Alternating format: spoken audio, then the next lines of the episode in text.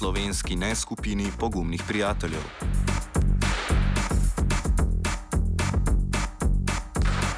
Slovenija odreka podporo skupini 11 članic Evropske unije, ki se zauzemajo za uveljavitev davka na finančne transakcije. Skupino sicer vodita Nemčija in Francija, sledijo jima pa Italija, Španija, Belgija, Avstrija, Estonija, Portugalska, Grčija in Slovaška. Naštete države so tudi že podpisale politično izjavo o podpori tako imenovanemu davku Robina Huda, ki bi z obdavčitvijo visokofrekvenčnega trgovanja s finančnimi instrumenti vrnil vsaj nekaj davkoplačevalskih sredstev, s katerimi so države na globalni ravni reševali finančni sektor. Davku po pričakovanjih najbolj nasprotujejo v britanski davčni oazi, londonskem Cityju, kjer bi ga podprli le v primeru, da obstajajo pogoji za globalno uveljavitev. O čemer pa naši strateški partnerji onkraj Atlantika ne želijo niti slišati.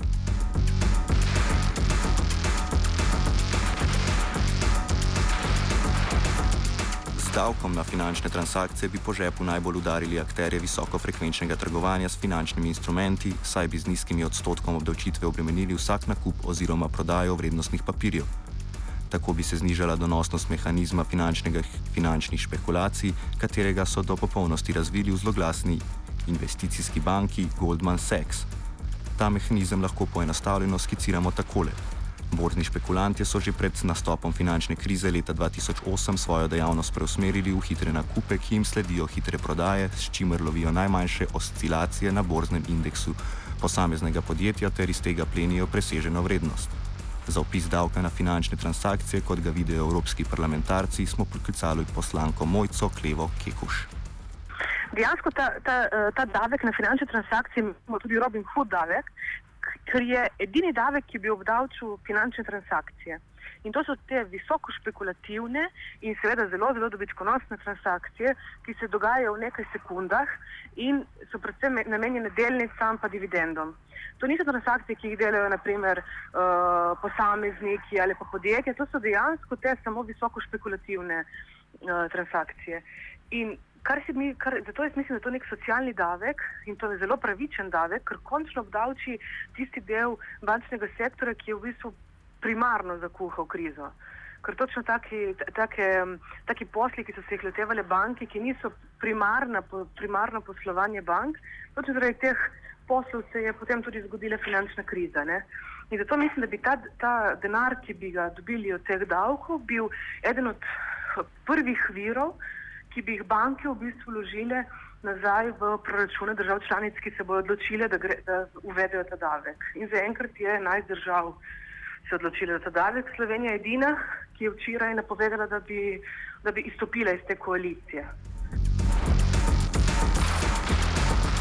Ministr za finance Uroš Čufer je zavrnil podpis politične izjave, ki ga je pripravila omenjena skupina 11 držav, saj po njegovih besedah ekonomska logika za davkom na finančne transakcije preprosto ne drži. Povedano z drugimi besedami, ministra moti, da bi bil izplen davka v Sloveniji manjši, kot bi stala njegova uvedba. Za komentar te pozicije smo prosili ekonomista Bogomirja Kovača. No, dejstvo je, da Slovenija sicer nima zelo uh, jasnih uh, politično-ekonomskih pogledov na uh, recimo Tobinov davek ali na obdavčanje finančnih transakcij. To zahteva seveda nekoliko jasnejšo strategijo do finančnega kapitalizma, kar za slovensko vladno administracijo seveda ni značilno. Tako da se je uh, najbrž v danem trenutku pragmatično priključila uh, vodilnim državam, ki so takrat v reformnem zamahu nekako videle eno izmed možnosti reforme mednarodne ekonomske ureditve ravno v tem davku. Tako da je ta sprememba pravzaprav rezultat na eni strani naše uh, lahko rekli, politično-ekonomske eh, nerazgledanosti ali pa tudi nekonsistentnosti. Na drugi strani gre pa seveda za nek eh, zdaj, pragmatičen eh, razmislek. Namreč Slovenija je v tem hipu sredi silovite bančne reforme in stroški te sanacije so Slovenijo zelo prizadeli.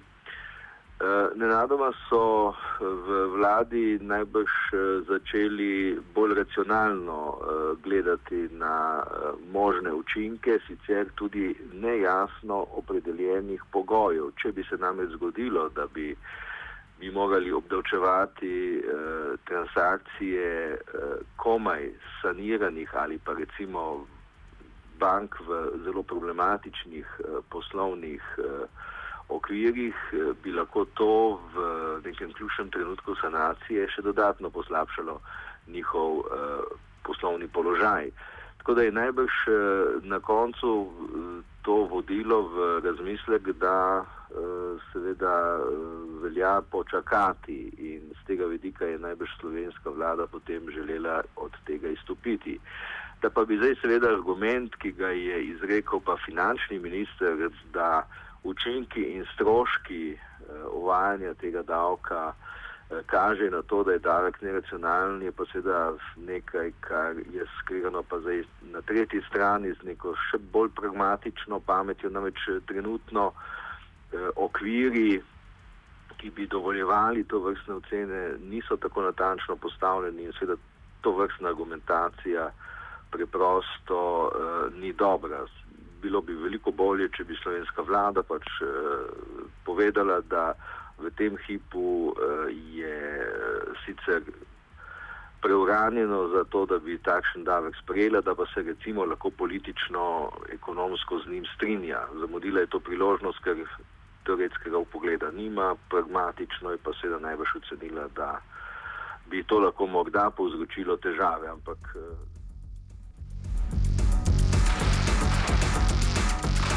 Odgovora na vprašanje, kakšne vrste težav, žal nismo uspeli dobiti.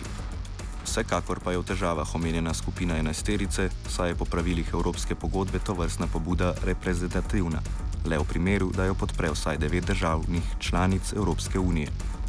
Slovenska vlada je že napovedala, da razmišlja o izstopu iz omenjene skupine, s čimer je ogrozila sam njen obstoj. Pesimisti že napovedujejo, da sklic Evropskega parlamenta po evropskih volitvah ne bo tako naklonjen tej pobudi.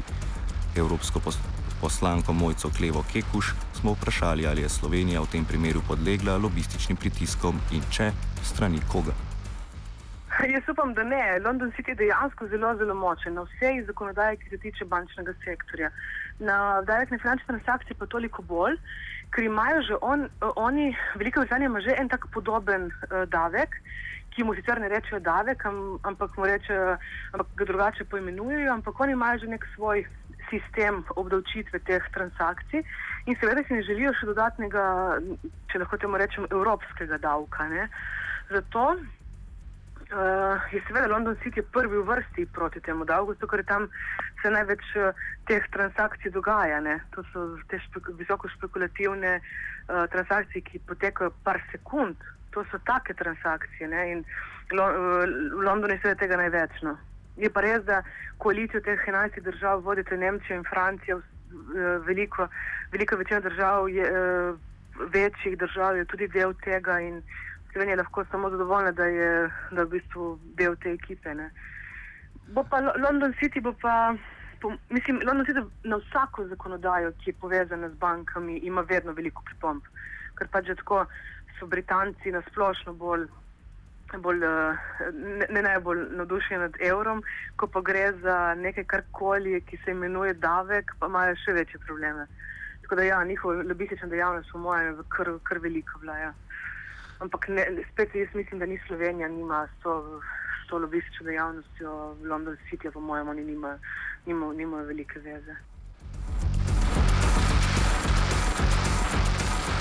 Ekonomista Kovača smo zato nadalje vprašali, ali bi se v primeru, da Slovenija podpre omenjen davek, podražilo naše zadolževanje na finančnih trgih. Kada gre za oblike uh, indirektnih davkov, uh, je seveda možnost uh, njihovega prenašanja precej velika. Hočem povedati, da je še zelo, zelo veliko nejasnosti pri določanju tega davka. Eh, poleg tega je tudi zelo veliko nejasnosti, kako in na kakšen način bi takšen davek potem seveda eh, skušali zavezati tako, da se ne bi prenašal. Eh, vaše vprašanje implicira, preprosto dejstvo, da bi davčni zavezanci, torej finančne institucije, ta davek preprosto prenesle v više obrestne mere in s tem podrežile seveda kreditiranje. Dejstvo tudi je, da uvajanje to vrstnega davka na nekem omejenem prostoru pri tako globalnih finančnih transakcijah samo po sebi pomeni zelo velik tehnični problem. Uh, omejevanje finančnih transakcij uh, ali pa kontrola finančnih transakcij tega tipa uh, predstavlja namreč, uh, da moramo imeti zelo dober meddržavni informacijski sistem in mislim, da bo ta davek poleg seveda vseh zadreg, ki so politične narave, spremljal še zelo, zelo veliko tehničnih, nomotehničnih, ekonomskih težav. Davek je izjemno pomemben, bi morda imel veliko več možnosti pri tistem prvem zamahu iskanja nove mednarodne ekonomske ureditve ob izbruhu finančne krize leta 2009. Vendar mislim, da so uh, potem hitro pozabili na uh, te spremenjene pogoje in hkrati seveda potem tudi na to inicijativo Tobinova davka. Eh, to bi nadaljek se je kasneje v evropski agendi eh, pojavil bolj kot eh, ena izmed možnosti iskanja alternativ in izhoda iz krize in morda nekakšne uravnotežitve in pritiska kontinentalnih držav na tako imenovani anglosaksonski Eh, del, kjer so veliki centri eh, finančne moči in kjer se seveda s tem izvaja nekakšen pritisk na tako imenovane zasebne finančne institucije, ki danes vodijo eh, ob centralnih bankah in teh reč, državnih, urejenih, mednarodnih visokih financ, pravzaprav to svetovno igro. Luka Meseca iz protikapitalistične inicijative za demokratični socializem smo poprašali o njihovem stališču do uvedbe davka na finančne transakcije in kako komentira argumente ministra Čuferja. Uh, ja, mi ta davek podpiramo uh, in sicer predvsem iz stališča, ker ga vidimo kot eno od sredstev za ustavitev finančnih špekulacij. V bistvu argumenta, ki se proti temu davku pojavljata, sta ponovadi dva.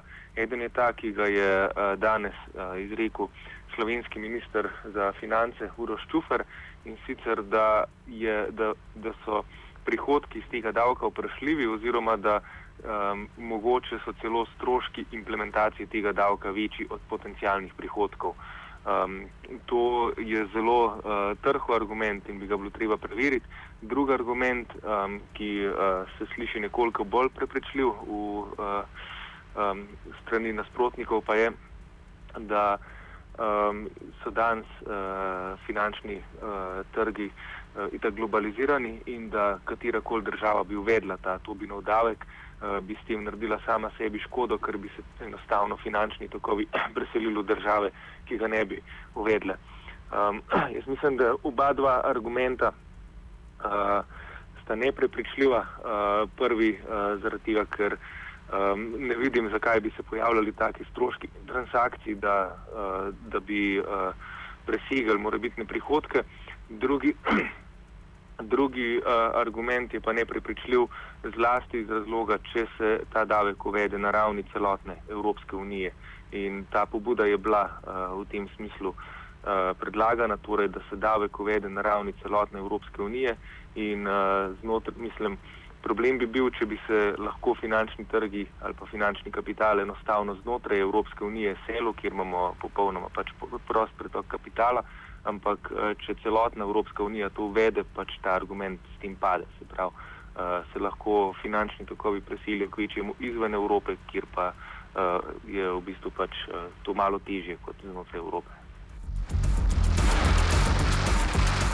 Kekušovo smo poprašali, kako vidi izstop Slovenije iz skupine držav, ki namerava uvesti davek na finančne transakcije. Ja, to dejansko je progresivni davek, ampak to, da se je Slovenija odločila, samo upam, da bo minister o tem še konkretno, konkretno razmislil, ker to je, to je seveda davek, ki mu banke zelo nasprotujejo. In jaz upam, da, da minister se ne bo postavil na, na stran bančnikov, ampak na stran davkoplačevalcev. Ne. Jaz upam, da je za njegovimi besedami, da bo še razmislil o tem, da je še nekaj resnice, no. ker imamo še možnost. In tudi Slovenija si za, za ogled Slovenije v Bruslju tudi ni najbolje, da se kar odloči, da, da izstopi iz te koalicije, kjer je, bila, kjer je bila del tega od leta 2012, ne glede na vlade, ki so se menjavale v tem času. O tem, katere finančne institucije bi davek prizadel in v katerih državah bi veljal, Mojca Kleva Kekuš. Ja, za tiste za transakcije, teh držav, ki se zgodijo v teh državah, ki so del tega, ne gre pa za podjetja, gre za finančne institucije, ki upravljajo te transakcije. Da ne za podjetja, ne za, ne za posameznike, ampak za tiste, ki se ukvarjajo v bistvu z delnicami, dividendi, take finančne institucije, no, ki jih je pač celo, cela veriga tega. Mm, in ne samo banke. Ne. Tako da London City. London City seveda bo odigral svojo vlogo, ampak imajo res on, oni že nekaj podobnega uvedenega na, na nivoju Velike Britanije. In jaz mislim, da enkrat, ko bo, ko bo zadeva zaživela, ker seveda ideja davka na finančne transakcije je stara niti ne pet let, no? to je v bistvu en dosežek tega mandata Evropskega parlamenta, ki se je zaključil pred mesecem dni. Uh, in mislim, da ko se bo to vsaj začelo, se bo potem pač širilo na več držav. Ne? Ampak je potrebno nekje začeti. In včerajšnji sestanek v Bruslju je bil, je bil kar konkreten začetek, ne? da se dejansko vede za sedem letom. Tako da me je res presenetilo izjava od uh, ministra Čuferja. Offside sta pripravila Luka Tetičkovič in Dejan Jankovič. Oh. Oh. Oh. Oh. Oh. Oh. Oh. Oh. Ah. Ah. Ah. Offside.